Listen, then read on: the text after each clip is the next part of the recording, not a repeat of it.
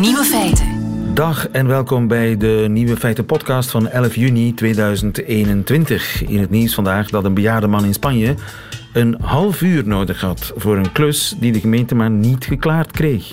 Manuel Sauto is 82 en wandelt elke dag door zijn dorpje met zijn vrouw van 79.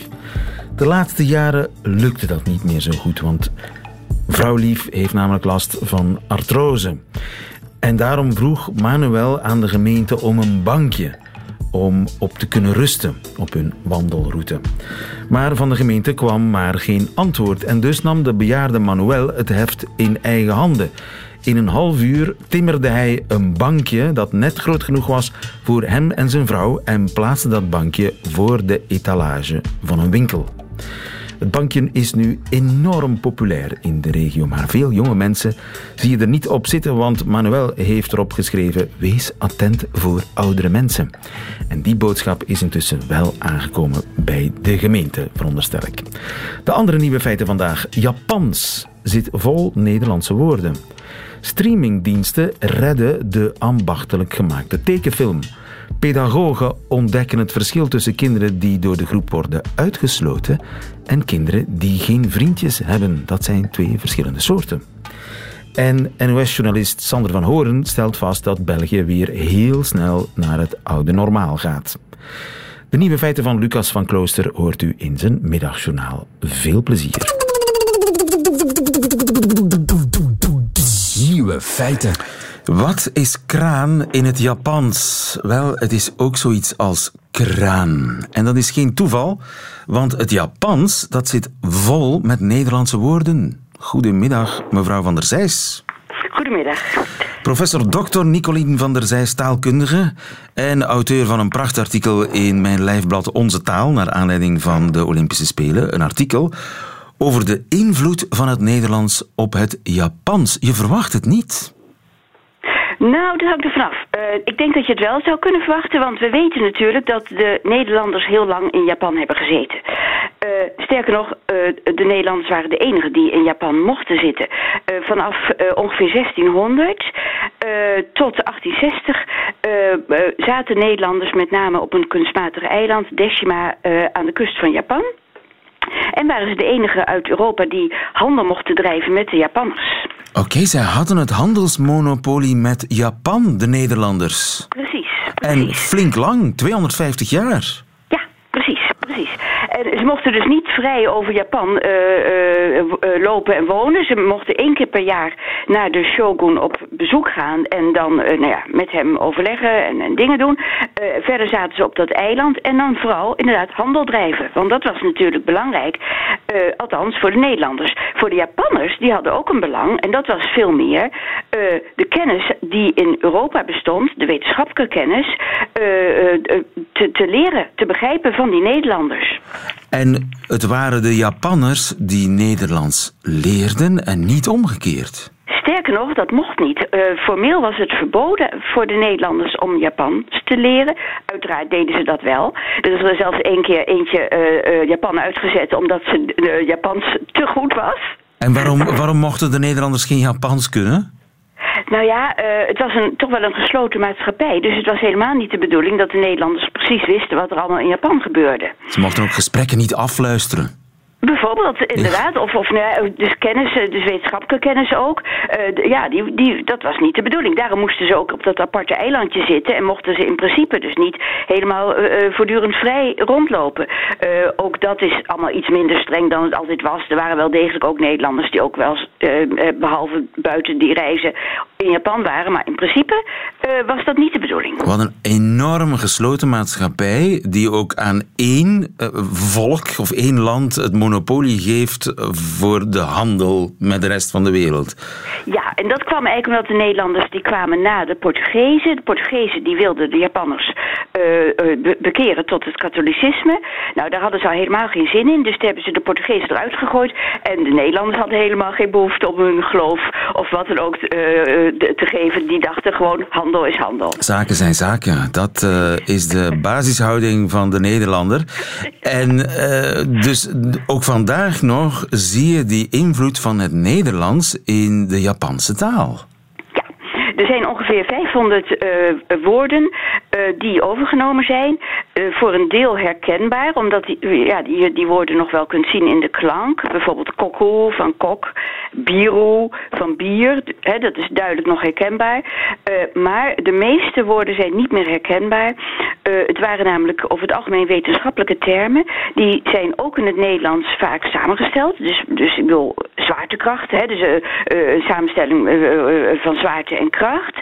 En dat werd dan letterlijk in het Japans vertaald. Dus het de element zwaarte werd met een Japans woord weergegeven en het woord kracht met een ander Japans woord. Ja. Uh, dus, maar daar herken je totaal geen zwaartekracht meer in? Nee, nee, precies. Dat is, qua klank uh, is het niet meer herkenbaar. Alleen de betekenis is nog herkenbaar. Oké, dat is een soort verborgen invloed. Maar kraan is zoiets als kraan.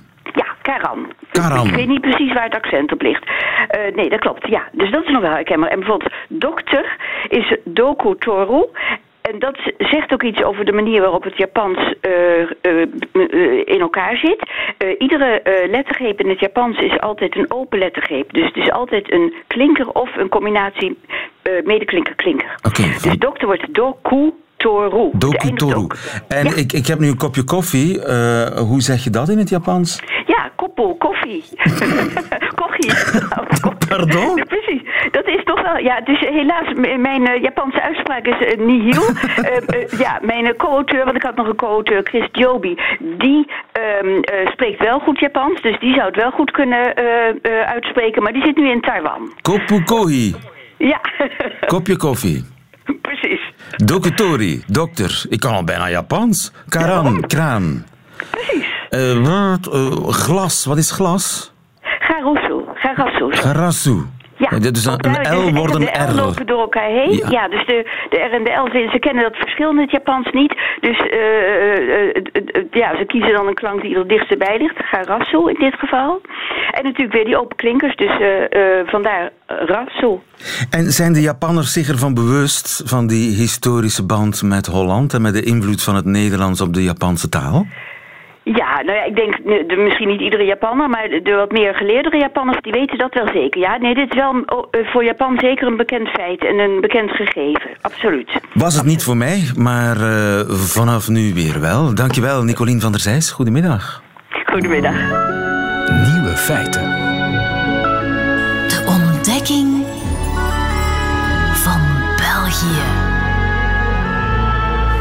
De ontdekking van België, meer bepaald door eh, NOS-journalist Sander van Horen, die sinds enkele jaren vanuit Libanon naar Brussel is verkast om van hieruit de ontwikkelingen niet alleen in België, maar ook in Europa te volgen. En ik zag je binnenkomend met uh, drukdoende met je, je telefoon. Je ja. Is er nieuws? Ja, er is wel nieuws hoor. Want uh, de angst was natuurlijk dat je met zo'n digitale Europa reiscertificaat, die QR-code, dat je daarmee alsnog eh, per land moest gaan nagaan wat eh, de regels zijn en dergelijke. En nu hebben ze daar toch wel gemeenschappelijke afspraken over gemaakt. Is net bekend geworden.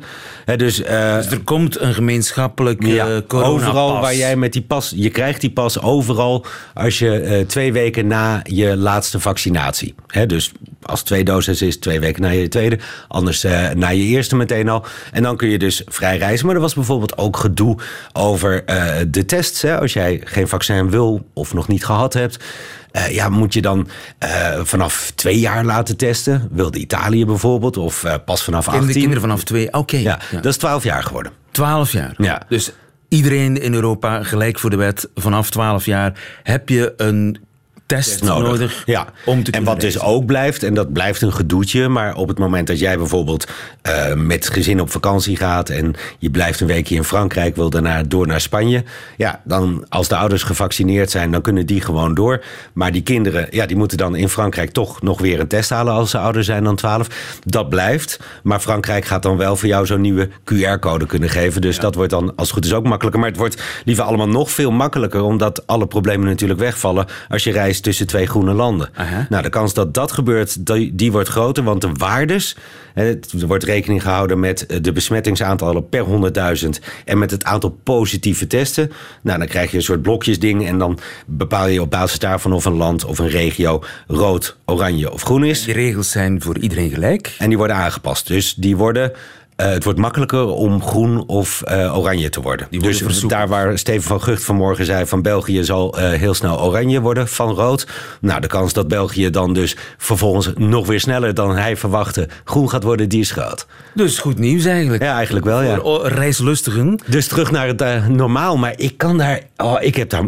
Ik besef eigenlijk nu pas hoe Brussel met mijn brein ja, gefukt heeft. Dat mag je niet zeggen op Radio 1. Uh, maar in dit programma dan misschien nog net wel. Maar hoe Brussel mijn brein overhoop gehaald heeft. Laat ik het dan maar zo noemen. Leg uit. Nou ja, we hebben hier natuurlijk uh, heel lang met een mondmasker op moeten lopen. En alleen al het feit dat ik het dus een mondmasker ben gaan noemen.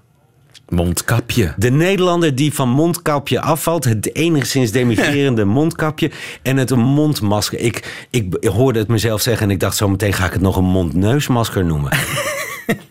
en, maar dat, dat is dus hoe het toch ook bij zo'n zo'n eigenwijze, koppige, arrogante Hollander is binnengekomen. Ik vind het nu ook dus heel vreemd op straat staan in Brussel, waar echt de mondkapjesplicht uh, tot op het laatst eigenlijk, uh, ja, nu nog in Leuven dat het nog moet, maar hier was het heel erg. Ik vind het kaal staan ook.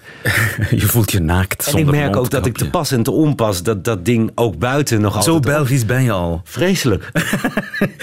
nou, en was er voor de rest nog iets dat je opviel deze week? Ja, maar ook weer dingen die normaal worden. Ik bedoel, hier kan ik niet aan wennen, of dat zal even duren. Maar waar ik heel erg aan kan wennen, is dat het normale nieuws gewoon weer terugkomt. Dus het is lekker weer. Brusselse jongeren misdragen zich in Gent. Feest. Ja. Ja, dat er gewoon weer... Dat is uh, voor jou feest. Niet voor de mensen in Gent, dat kan ik je wel vertellen. Maar wel weer voor die Brusselse jongeren. Dus ja, het is een beetje van welke kant je het bekijkt. Maar dat er überhaupt weer ruimte is voor dat soort nieuws. Dat er weer ruimte is voor een gezellig gifschandaal. Heerlijk, want tot nu toe was het eigenlijk alleen maar de militair en het virus. En uh, nu is er weer ja, ruimte voor... voor kledingvoorschriften op lagere Over middelbare scholen. zeg. Ja. Nee, maar dat is toch fijn. Dat is toch eigenlijk het beste bewijs dat het met zo'n land weer ja, goed komt, zou ik willen zeggen. Maar toch te, tegelijkertijd ook weer niet. Want als het zo snel eigenlijk weer normaal wordt. En het gaat nu hard. Hè? Ik bedoel, België over twee, drie weken misschien een groen land. Ik bedoel, dan, dan kun je echt serieus gaan nadenken over het loslaten van alle regels. En dan komt het oude nieuws weer terug. Maar dan komt natuurlijk ook weer dat oude verdeelde land naar boven. Wat zich, ik heb het er hier vaker over gehad, kranig staande heeft gehouden, vind ik, in verhouding tot bijvoorbeeld Nederland tijdens die coronapandemie. Maar ja, gaan daar blijvende lessen uitgetrokken worden? Dat het soms handiger is om iets aan het federale niveau over te laten? Daar waren we een paar maanden geleden van overtuigd, hè? Ja, nou, ik begin er alweer een hard hoofd in te krijgen, lieve. Je denkt dat er niets verandert? Nee, ik denk dat dat uiteindelijk een van de dingen is die weer heel snel terug is bij het oude normaal. Terwijl toch, ik bedoel, ik, ik las over ziekenhuisdirecteuren die de gezondheidszorg weer willen herfederaliseren. Nou, volgens mij zijn er ook enquêtes geweest dat de gemiddelde Belg dat eigenlijk ook niet zo'n heel slecht idee vindt. Maar ja, dat kun je als politieke partij wel gaan zeggen. Maar binnen de kortste keren is ook dat weer terug bij het oude uh, normaal. En is dat politieke suïcide. Zullen ze dus niet gaan doen. En dus gaat ook dat weer terug naar het oude normaal. Ken je de uitdrukking, ze dronken een glas, ze pisten een glas en ze lieten alles zoals het was? Ja, nou, precies dat. Hebben ze dat in Nederland ook? Uh, vast. Maar ik bedoel, in Nederland kun je uh, gewoon zeggen... Iets beslissen. Ach meneertje, er verandert nooit wat. Ja, ja, ja maar, maar in Nederland uh, verandert er soms wel wat. Is er een, een enorm debat en dat kan heel ver gaan. En uh, mensen rollen vechtend over straat, zowel gewone burgers als politici. Maar dan komt er op een gegeven moment een een nieuw akkoord over iets? Hmm, nou, ik zou, ik bedoel, ik ben politicoloog van huis uit. Ik zou er eens onderzoek naar moeten doen. Maar ik waag te betwijfelen of dat echt significant verschilt okay. van wat er in België gebeurt. Want uiteindelijk ook zie je het bij ons, hè, tot op de dag van vandaag met die toeslagenaffaire. Er blijven nieuwe dingen naar buiten komen. Ja. Er blijft een dus, cultuur van we dekken dingen toe. En we zijn er misschien uh, niet in eerste instantie voor de burger, maar voor het systeem. Nou ja, ook dat soort dingen in Nederland zijn heel moeilijk te veranderen. En de hele pandemie zal ook daar in Nederland niets veranderen? Nou, weet ik niet. Misschien dat je in Nederland wel een debat... Hè, er gaat natuurlijk geleerd worden van fouten. Uh, je krijgt op Europees niveau een evaluatie. Je krijgt op Belgisch niveau een evaluatie. Maar in Nederland denk ik dat hij al vrij snel toch zal gaan over... wie heeft er hoeveel verdiend met uh, mondmaskers. En, Zullen uh, lessen toch getrokken worden? Ja, maar of dat de fundamentele lessen zijn, ik ben benieuwd.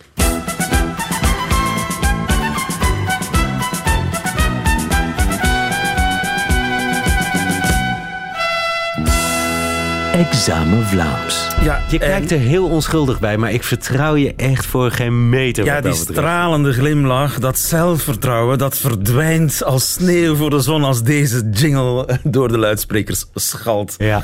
Want ik ga jou eh, onderwerpen aan het eh, strengst mogelijke examen Vlaams. Wat is een kikkertafel? Een kikkertafel? Ja, onze technicus Michel, zie hem, zie hem, zie hem Die weet het. Die weet het. Ja, maar... Een kikker, gaan we kikkeren? Want dat doe je aan een kikkertafel. Ja, dat kan van alles zijn. Dat kan tafelvoetballen zijn. Dat kan... Oh, dan hou ik Wow. heel snel. Ja. Shula was, was plan B geweest. Dat vind ik wel heel sterk. Je zei gewoon spontaan tafelvoetbal. Ja. Het is tafelvoetbal. Goed, hè? Van mij. Waanzinnig. Fantastisch. Shotten. Shotten. Ja. Gaan we shotten. Kleiduiven schieten. of is dat dan Shula? Nee, maar kleiduif schieten had gekund. Shotten is gewoon voetballen. Voetballen? Ja, ah, ja want een shot Ja, een shot op... is een, is een trap. Een Ja. schop, inderdaad. Oké. Shotten. Op verplaatsing. Shotten? Nee, we gaan hockeyen. Nee. We gaan hockeyen. Dat is veel leuker dan voetbal. Op verplaatsing. Je weet niet waar ik het over heb, hè? Over hockey? Ja. Ja, toch? Maar dat Nederland Maar- gisteren van België gewonnen heeft, dat maar zegt je helemaal niks. Ik weet dat er een wedstrijd was. Er oké. gewonnen heeft. Eerlijk gezegd. Cute. Eerlijk gezegd. Maar eh, nogmaals gefeliciteerd voor jullie glansrijke overwinning. Hoe heet de strafschoppen in hockey? Geen flauw idee. Ah, het wordt leuk. Dat weet je echt niet. Strafschoppen in hockey? Ja. Dus aan het einde dat je een wedstrijd die gelijk eindigt, maar een winnaar moet hebben, dan neem je geen strafschoppen, maar shootouts. Oké. Shootouts. Nou, dank je. Ik leer bij. Want... Hoeveel, hoeveel, hoeveel helften heeft een hockeywedstrijd? Die dus eigenlijk geen helften zijn. Examen Vlaams Dus is de kenner die mij een beetje kent, die weet dat ik echt marginaal meer weet van sport dan jij. Maar ik, ga, ik vind het echt heerlijk. In het land der blinden. Is de baklijn. De baklijn. De baklijn. De of doellijn. de bak. De bak. De doellijn dan, zou ik zeggen. Het strafschopgebied. Oh, oké. Ja. Ja, de bak. Ja. Scheenlappen. De kniebeschermers. Heel mooi. Of scheenbeschermers bedoel ik. Scheenbeschermers, scheenlappen. Ja. Ja, die was, die was makkelijk. Hoe noem je dan een, eh, een tok? Wat? Een tok. Een tok. Maar nee, niet T-O-K, maar T-O-Q-U-E.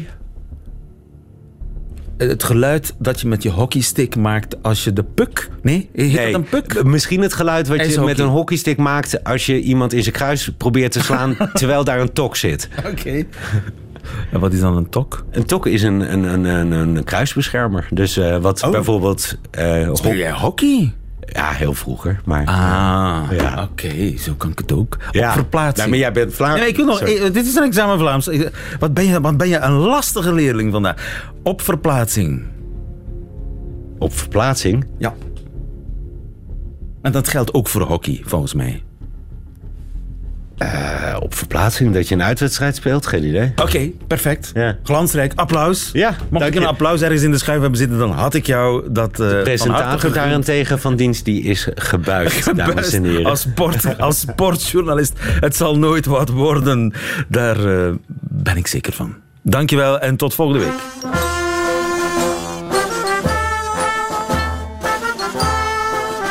Radio 1.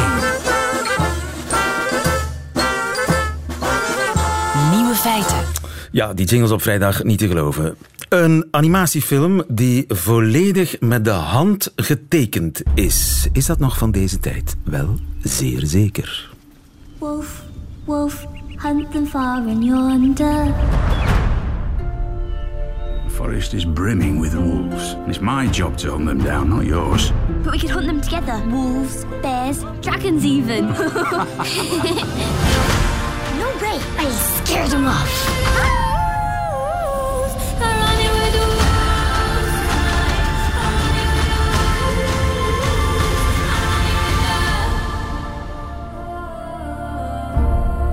Sinds deze week in eh, de bioscoop Wolf Walkers, een ambachtelijke tekenfilm. Lieve trio, goedemiddag.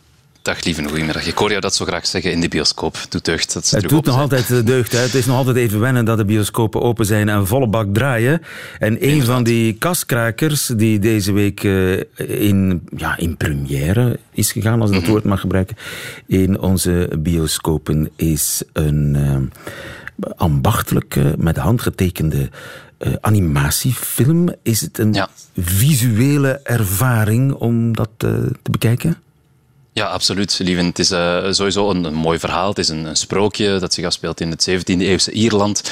Eh, er komt magie aan te pas, mensen die in eh, wolven veranderen en zo. Dus dat is op zich al knap. Maar de manier waarop het in beeld gebracht is, de, de animatie, de tekeningen zijn echt om van te snoepen. Het is ook, ja, er wordt heel erg ingezet op de stijl. Enerzijds heb je de stad die dan heel rechtlijnig en, en cubistisch in beeld gebracht wordt. Anderzijds heb je de bossen die heel ehm, weelderig zijn, kleurrijk, een totaal andere stijl. Dus het is echt een, eh, een, een feest om naar te kijken, ja. En elk plaatje is met de hand getekend. Eh, ja, ik ben ook geen animatie-expert, dus ik, denk dat er ook wel computer bij aan te pas komt. Maar de basis is inderdaad handgetekende animatie, eh, tekeningen.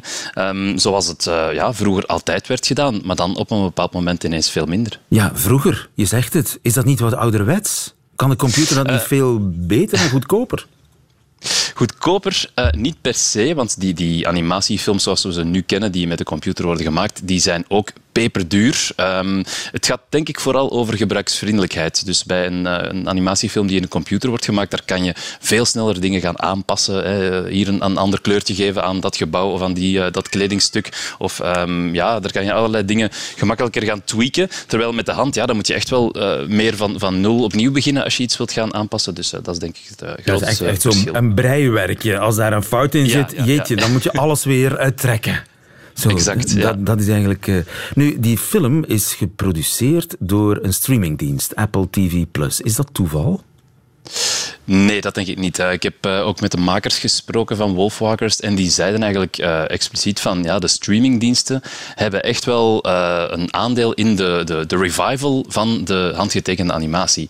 Want je moet weten, de, tot eind jaren 90, laten we zeggen, was de, met de handgetekende animatiefilm een beetje de standaard. Hè. Disney heeft toen nog een, nog een aantal prachtige klassiekers gemaakt, zoals The Lion King enzovoort. Maar dat is daarna heel erg beginnen veranderen. Hè. Je had eh, dan 1995 Toy Story, de eerste Pixar langspeelfilm en ook meteen de eerste langspeelfilm met computeranimatie. Is een geweldig succes, succes geweest, heeft dan de deur opengezet voor een heel aantal andere computergeanimeerde films. Eh, dan, ja, ook grote successen, hè, Shrek enzovoort. En toen eh, is eigenlijk de, de aandacht van met de handgetekende animatie helemaal eh, weg, weggetrokken. Disney heeft dan ook zelf gezegd van we stoppen daarmee met ha- handgetekende animatie. Dus ja, het heeft wel... Ja, het is op sterven na dood geweest bijna toch wel, eh, Ja. handgetekende animatie. En dus het is geen toeval dat een streamingdienst het risico neemt om tegen de stroom in te gaan. Ja, dat klopt ergens wel. Ehm, streamingdiensten hebben een ander verdienmodel dan de traditionele studio's. In die zin dat een, een studio die een film produceert, hangt vooral af van de, de tickets die verkocht worden aan de, in de bioscopen en zo. Streamingdiensten die moeten het hebben van hun. eh, van hun abonnees, van hun inschrijvingen. eh, dus dat is meer een soort standaardprijs die wordt betaald en daarbinnen kan je dan gaan waar je naar kijkt. Dus die moeten mensen lokken. Ehm, niet per se tickets voor één film verkopen, maar het totaalabonnement moet er interessant uitzien voor zoveel mogelijk mensen.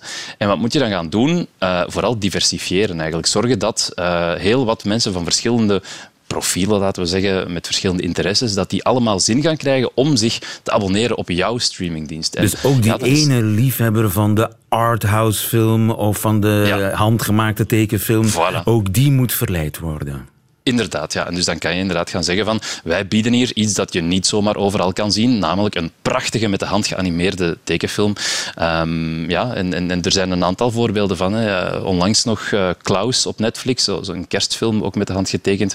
Ehm, de, de, de mensen die nu Wolfwalkers hebben gemaakt, hun volgende film, My Father's Dragon, die komt ook op Netflix. Dus ja, je ziet daar toch een zekere beweging van die streaming-giganten naar eh, animatie, inderdaad. Ze hebben daar toch iets in gezien Ja. om nieuwe mensen binnen te trekken, omdat En die groei zo belangrijk is Je voor hen. kunt, je kunt dat bij uitbreiding ook toepassen op de echte kunstfilm, de arthouse movie. Zeker, ja, ja, ja want dat uh, ja, na de, de crisis van 2008 is er toch een duidelijke verschuiving geweest in, in, de, in de budgetten, laten we zeggen, van de, de traditionele films. Daar heb je, um, ja, ofwel moest het heel low budget zijn, uh, ofwel mocht het wel peperduur zijn, de blockbusters dan, de superheldenfilms enzovoort. En daartussen werd een groot gat geslagen. Dus de, de, de mid-budget film, um, de, de, de volwassen films, zoals we dan zeggen, die uh, vielen er een beetje tussenuit. Daar werd minder in geïnvesteerd, omdat dat minder uh, return on investment dan uh, had of zo. En daar, in dat gat zijn de streamingdiensten ook wel gesprongen. Ze, ze, bieden dan ja, een platform aan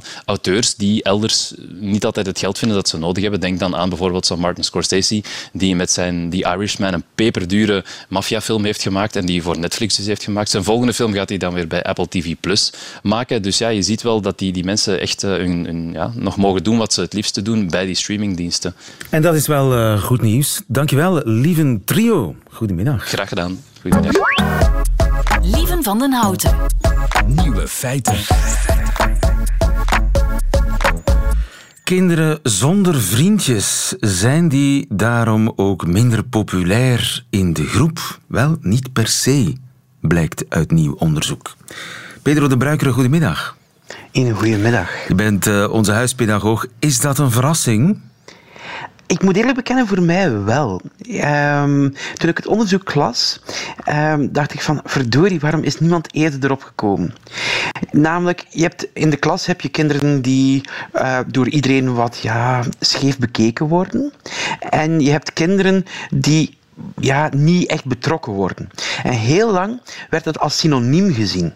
Maar nu hebben onderzoekers in de Verenigde Staten gedurende drie jaar kinderen tussen 10 en 13 jaar gevolgd. Twee keer per jaar dat echt in kaart gebracht. En nu merk je dat er in feite twee totaal verschillende groepen zijn. Twee totaal dus verschillende hebben... soorten eenzaten, zeg maar. Onder de kinderen. Ja, en eenzaad is misschien zelfs niet het juiste woord voor een van de twee groepen. Ik ga je het uitleggen. Men vroeg om de zes maanden wie vind je echt niet sympathiek. Ja. En daarmee kwamen ze op kinderen die duidelijk um, ja, niet goed in de groep lagen. Maar ze vroegen ook met wie speel je vaak. En toen ontstond er een andere groep. En dat is een groep die in feite um, een stukje geïsoleerd is. Maar dat wil niet zeggen dat die scheef bekeken worden. En dat bleek ook als je iedereen vroeg van um, als je gepest wordt, want beide groepen, hè, zowel degenen die scheef bekeken worden als degenen die geïsoleerd zijn, lopen meer risico op gepest worden. Maar de groep die scheef bekeken wordt, die hebben meestal wel nog een paar lotgenoten Aha. die elkaar steunen. Terwijl dat de kinderen die echt geïsoleerd zijn, dat die er veel meer alleen voor staan. Dat zijn de stille eenzaten. Ja, en dan merk je dat die ook heel veel meer naar, naar binnen getrokken zijn en dat die dus in feite op een hele andere manier moeten begeleid worden dan de kinderen die uh, door iedereen uh, gepest worden omdat ze anders zijn of omdat ze uh, niet goed in de groep liggen. En dus tot nog toe bleven die, die, die stille eenzaten, zeg maar, die bleven een beetje buiten het vizier van de pedagogen. Wel, ja, en dus wat merk je nu? Wij dachten, of ja, men dacht heel lang, uh, dat is één en dezelfde groep. En nu blijkt, die hebben een paar dingen met elkaar gemeen. Ze lopen bijvoorbeeld meer risico op uh, gepest worden, maar ze reageren daar ook compleet verschillend op. Uh, we merken dat, of de onderzoekers merkten, dat kinderen die uh, bij die eerste groep, die in feite niet goed in de groep lagen, uh, bij die eerste type, wel, die, werden, die reageerden vaak ook agressiever. Die begonnen zelf ook pestgedrag te vertonen, terwijl die anderen nog stiller werden. En dus dat die in feite een heel andere benadering nodig hebben. En wat mij dat onderzoek in feite heel erg leert, is dat je best ook verschillende manieren gebruikt om dingen in kaart te brengen. Omdat je dan verschillende re resultaten krijgt. Ja, want die stille eenzaten die zijn niet agressief, die veroorzaken geen problemen, dus die blijven een beetje onder de radar, terwijl ze misschien wel met iets zitten. Dat klopt. En ik denk dat dit de grote verdienste is van, van onze Amerikaanse collega's om dit op de kaart te zetten.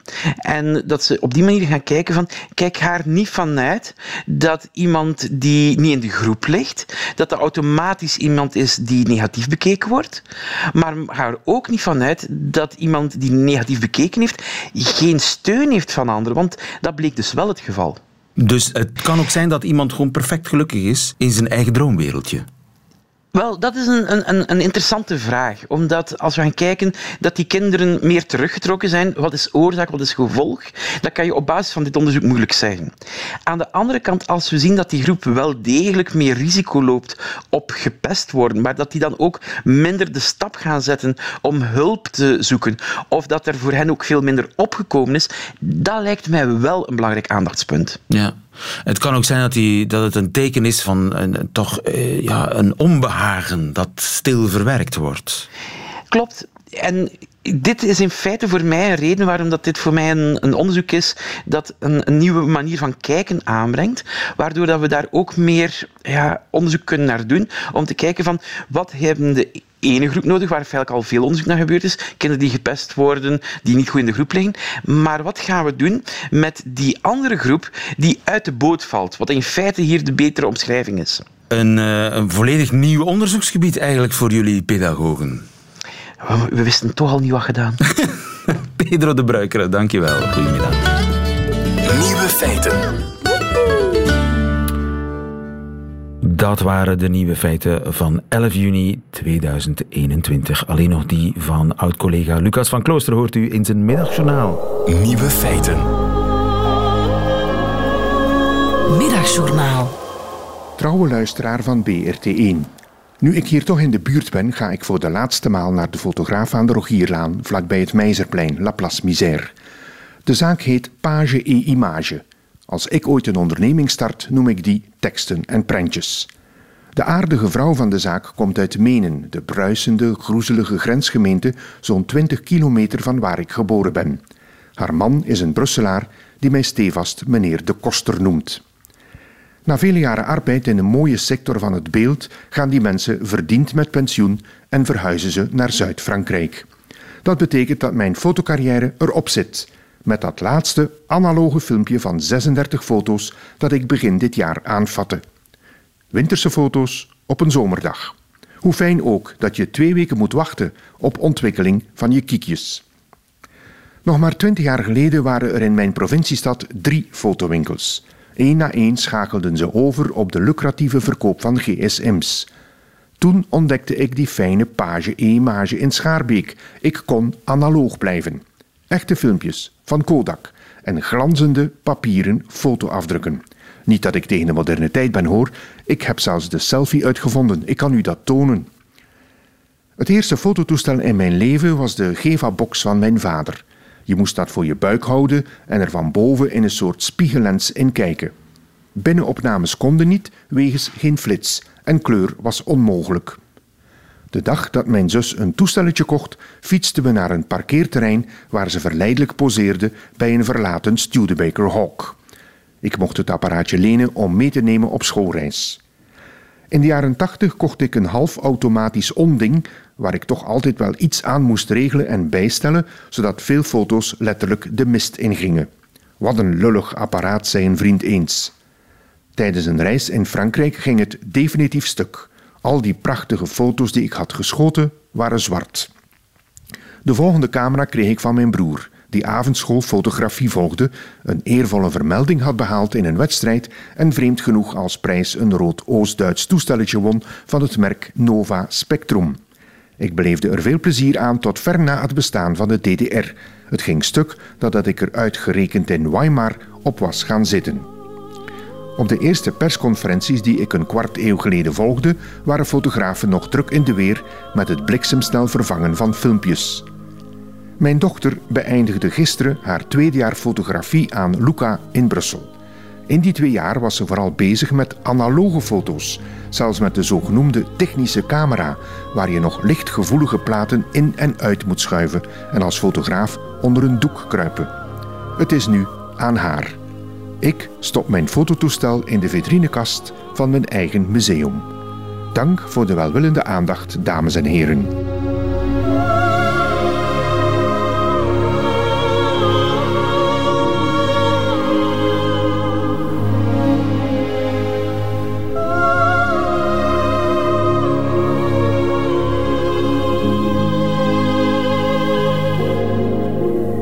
Het middagjournaal met Lucas van Klooster. Einde van deze podcast hoort u liever de volledige nieuwe feiten met de muziek erbij. Dat kan natuurlijk ook via onze website of via de app van Radio 1. Tot een volgende keer.